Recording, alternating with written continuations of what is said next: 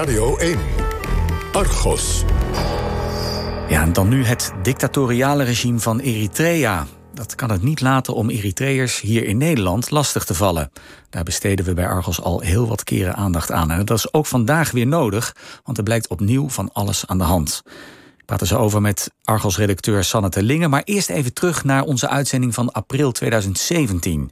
Toen onthulden we dat diplomaten van het Eritrese ambassadekantoor betrokken waren bij het inzamelen van geld voor een conferentie van het regime in Nederland. En zo reageerden toen Tweede Kamerleden daarop. Dat zijn methodes die we kennen van een dictatuur. Als je niet meedoet, dan kom je op een zwarte lijst te staan... en als je niet oppast, eh, beland je in de gevangenis. En het gaat hier over mensen in Nederland. Dus het is ook een Nederlandse aangelegenheid. Dit zijn praktijken die willen wij in Nederland niet. Je bent natuurlijk ook niet voor niets uit zo'n land gevlucht. Hè? Je bent eigenlijk gevlucht voor die mensen die nu bij je aan de voordeur staan. Dus je komt naar Nederland, je zoekt hier bescherming, je krijgt die bescherming ook. Hè? Eritreërs krijgen in overgrote mate asiel in uh, Nederland. En vervolgens staat iemand van het regime, voor wie je gevlucht bent... staat bij je aan de voordeur en zegt ik wil graag even uh, innen. Ik wil graag even incasseren. Ja, dat waren twee de Kamerleden Jasper van Dijk van de SP en Bram van Ooyek van GroenLinks, die zich drie jaar terug al boos maakten over de dwingende manier waarop het Eritrese regime hier in Nederland geld vroeg aan Eritreërs. Geld dat was bedoeld toen voor een jongerenconferentie van het regime. Dag Sanne. Hallo. Sanne Tillingen van Argos, hier in de studio. Ja, jij onthulde toen dat Eritrea dit aan het doen was. De Tweede Kamer eiste daarop actie. Ze nam een motie aan waarin stond dat dat ambassadekantoor van Eritrea moest worden gesloten als deze praktijken zouden doorgaan. Dat is niet gebeurd, hè? Nee, maar je moet je ook voorstellen, zoiets is nog nooit gebeurd. Dat is echt een hele heftige maatregel waarmee je ook de betrekkingen met uh, Eritrea enorm zou schaden. Zo zei uh, de minister van Buitenlandse Zaken toen. Ja. Uh, en je zorgt er ook voor dat Eritreërs en juist asielzoekers, die hebben dus ook vaak consulaire diensten nodig om bijvoorbeeld nog documenten te krijgen of familieleden te laten overkomen uit het land van herkomst voor gezinshereniging.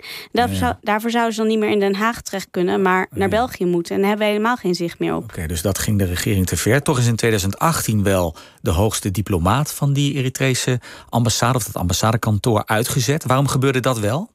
Ja, we hadden nog een uitzending gemaakt. Omdat we een uh, geheime opname hadden van wat er in, die Eritrese, uh, in dat Eritrese ambassadekantoor gebeurde. Een asielzoeker die wilde documenten hebben. En in een gesprek met Solomon Hari, de consul, kreeg hij te horen dat krijg je alleen als je 2% belasting betaalt over al je inkomen van de vorige jaren. En spijt betuigt dat jij uit Eritrea bent gevlucht en je straf daarvoor aanvaardt. En die straf was op dat moment ook officieel zelfs uh, de doodstraf. Je mocht het land niet illegaal verlaten.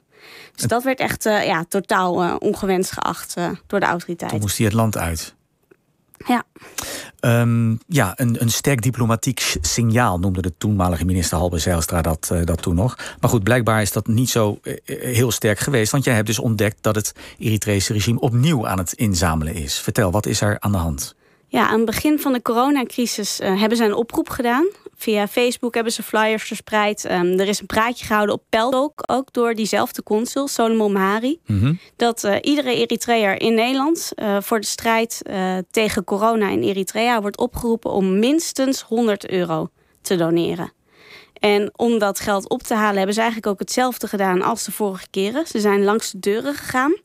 mensen van het regime dus, die weer bij vluchtelingen aan de deur staan. Mm -hmm. En um, je ziet dus ook uh, dat er opnieuw weer dwang achter zit. Dat mensen dat eigenlijk gewoon niet willen. Want het regime staat aan de deur. Um, ze moeten vervolgens ook de volgende in de buurt opbellen. Hmm. Um, die kan dus ook niet uh, doen alsof hij die, die oproep niet heeft gehoord. Ja, ja. En uit de verhalen die we horen uh, blijkt dat mensen heel bang zijn dat uh, hun familie in Eritrea bijvoorbeeld geen coupons meer krijgt um, om daar eten um, te krijgen. Bijvoorbeeld olie en suiker, daar heb je coupons voor nodig in Eritrea. Ja. Um, ze zijn bang om geen formulieren meer te krijgen of uh, diensten die ze nodig hebben vanuit de Eritreese ambassade. En misschien nog wel erger. Ja, want ik vroeg me af, is het dan is het eigenlijk erg als een regering aan zijn landgenoten vraagt om bij te dragen aan de crisisbestrijding in het eigen land? Maar jij zegt het, het is niet in de haak omdat er dwang achter zit. Ja, en je moet je echt voorstellen, Eritrea staat ook bekend als het, uh, een van de ergste landen ter wereld qua mensenrechten schendingen. Het staat ook mm -hmm. op de lijst voor persvrijheid onder Noord-Korea. Dus die mensen vluchten voor dat regime. Dat regime staat bij ze onder de deur. En uh, ze hebben het idee in ieder geval dat als ze niet meewerken hieraan, ehm, dat er dan dingen gebeuren met hun familie in thuisland. Dat vertellen ze jou? Ja, dat Want hoe ben je hier achter gekomen? Um, daar kan ik niet zo heel veel over zeggen. Maar uiteindelijk uh, bleek de flyer uh, van de inzameling ook gewoon openlijk op Facebook te staan van de Eritrese ambassade. En het Eritrese regime heeft in het thuisland uh, trots aangekondigd dat ze vanuit Nederland 100.000 euro hebben opgehaald. Dus je zou het ook gewoon in open informatie hebben kunnen vinden. Oké, okay, 100.000 euro hebben ze bij elkaar gesprokkeld. Nou, waarschijnlijk nog wel meer. Want uh, wij hebben een geheime lijst in bezit met betalingen. En daarop is te zien dat uh, meer dan duizend um, betalingen zijn gedaan vanuit Nederland. Um, en die lijst heb ik ook opgeteld. Ja. Dan uh, kom je uit op uh, meer dan 155.000 euro. En er zijn, worden nog steeds oproepen gedaan om uh, te blijven betalen ook. Ja, want mensen betalen dus ook. Die dwang heeft dus kennelijk effect. Ja, moet je je voorstellen. Als je moet kiezen tussen 100 euro betalen... of je denken dat je je familie in gevaar brengt... dan is 100 euro ineens toch niet meer ja. zo heel veel. En heb je de ambassade ook voorgelegd... dat, dat er mensen dus kennelijk onder druk worden gezet om te betalen? Ja, die uh, hebben op mij niet gereageerd. Maar ze hebben een brief van drie kantjes uh, aan de Telegraaf gestuurd. Oh. En, uh, want die, die hebben ook een artikel uh, erover geschreven oh, ja. vandaag in de krant. Hm. En daarin zeggen ze dat het echt uit puur altruïstische motieven is gedaan. Omdat mensen zagen hoe hard de Eritreërs samenwerkten om allemaal geld op te halen. En dat ze daar zelf ook graag aan bij wilden dragen vanuit Nederland. Hm. Um, ja, en ze geven eigenlijk ook aan dat, um, ik, ik, lees wel even voor wat ze hebben geschreven. Ja. Dat uh, ze helaas vaker te maken hebben met anti-Eritrese krachten die proberen om Eritreërs en ook de ambassade in een kwaad daglicht te stellen. En de ambassade is verveeld van zulke vreemde en ongefundeerde beschuldigingen door anti-Eritrese krachten in Nederland. En bedroefd over de Nederlandse media die die publiceren. Oh, het ligt aan jou. Als je het aan de Eritrese ambassade vraagt, wel ja. ja. Ja. Wat is er gebeurd met dat geld? Weet je dat? Um, dat het is dus, dus officieel voor de coronabestrijding, hè? Ja. En um, er is een klein beetje uh, corona in Eritrea. Maar Eritrea zelf zegt dat het geld naar uh, het ministerie van Gezondheid is gegaan. En dat ze het zo goed hebben besteed um, dat er daarom nul coronadoden in Eritrea zijn gevallen. Hmm. Ze hebben echter tegelijkertijd ook bekendgemaakt dat de mensen daar, uh, want Eritrea zit wel in een strenge lockdown.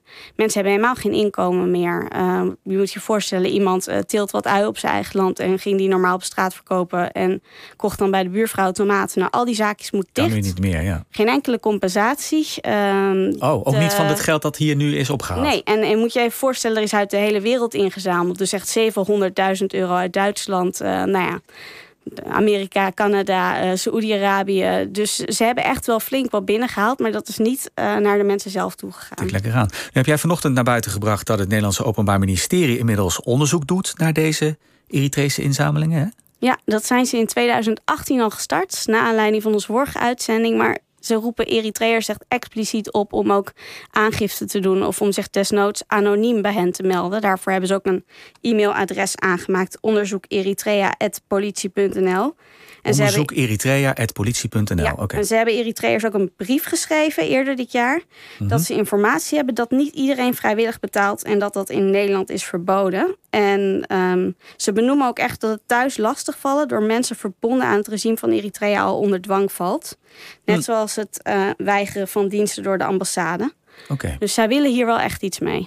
Ook Tweede Kamerleden zeggen eh, inmiddels, eh, of hebben inmiddels gereageerd. Laten we even luisteren naar een korte reactie van Sjoerd Sjoerdsma van D66. Dit is nu de zoveelste keer dat we Eritrese diplomaten betrappen op wangedrag. Vluchtelingen die uit Eritrea vertrokken zijn vanwege het repressieve regime worden hier in het veilige Nederland door precies diezelfde schurkenstaat lastiggevallen en afgeperst. Dat kan niet en dat mag niet. Die lijn heeft de Tweede Kamer al jaren geleden getrokken onder aanvoering van D66. En het is nu aan Stef Blok om die lijn te handhaven en om de betrokken Eritrese diplomaten uit te zetten. Ja, dat was Tweede Kamerlid Sjoerd Sjoerdsma van D66. Maar goed, ook eigenlijk alle andere partijen hebben gereageerd. VVD, CDA, GroenLinks, SP, Partij van de Arbeid. Pieter Omzicht van het CDA sprak over draaideurdiplomaten. Bram van Ooyek wil een meldpunt uh, oprichten. En minister Blok heeft ook al van zich laten horen, hè?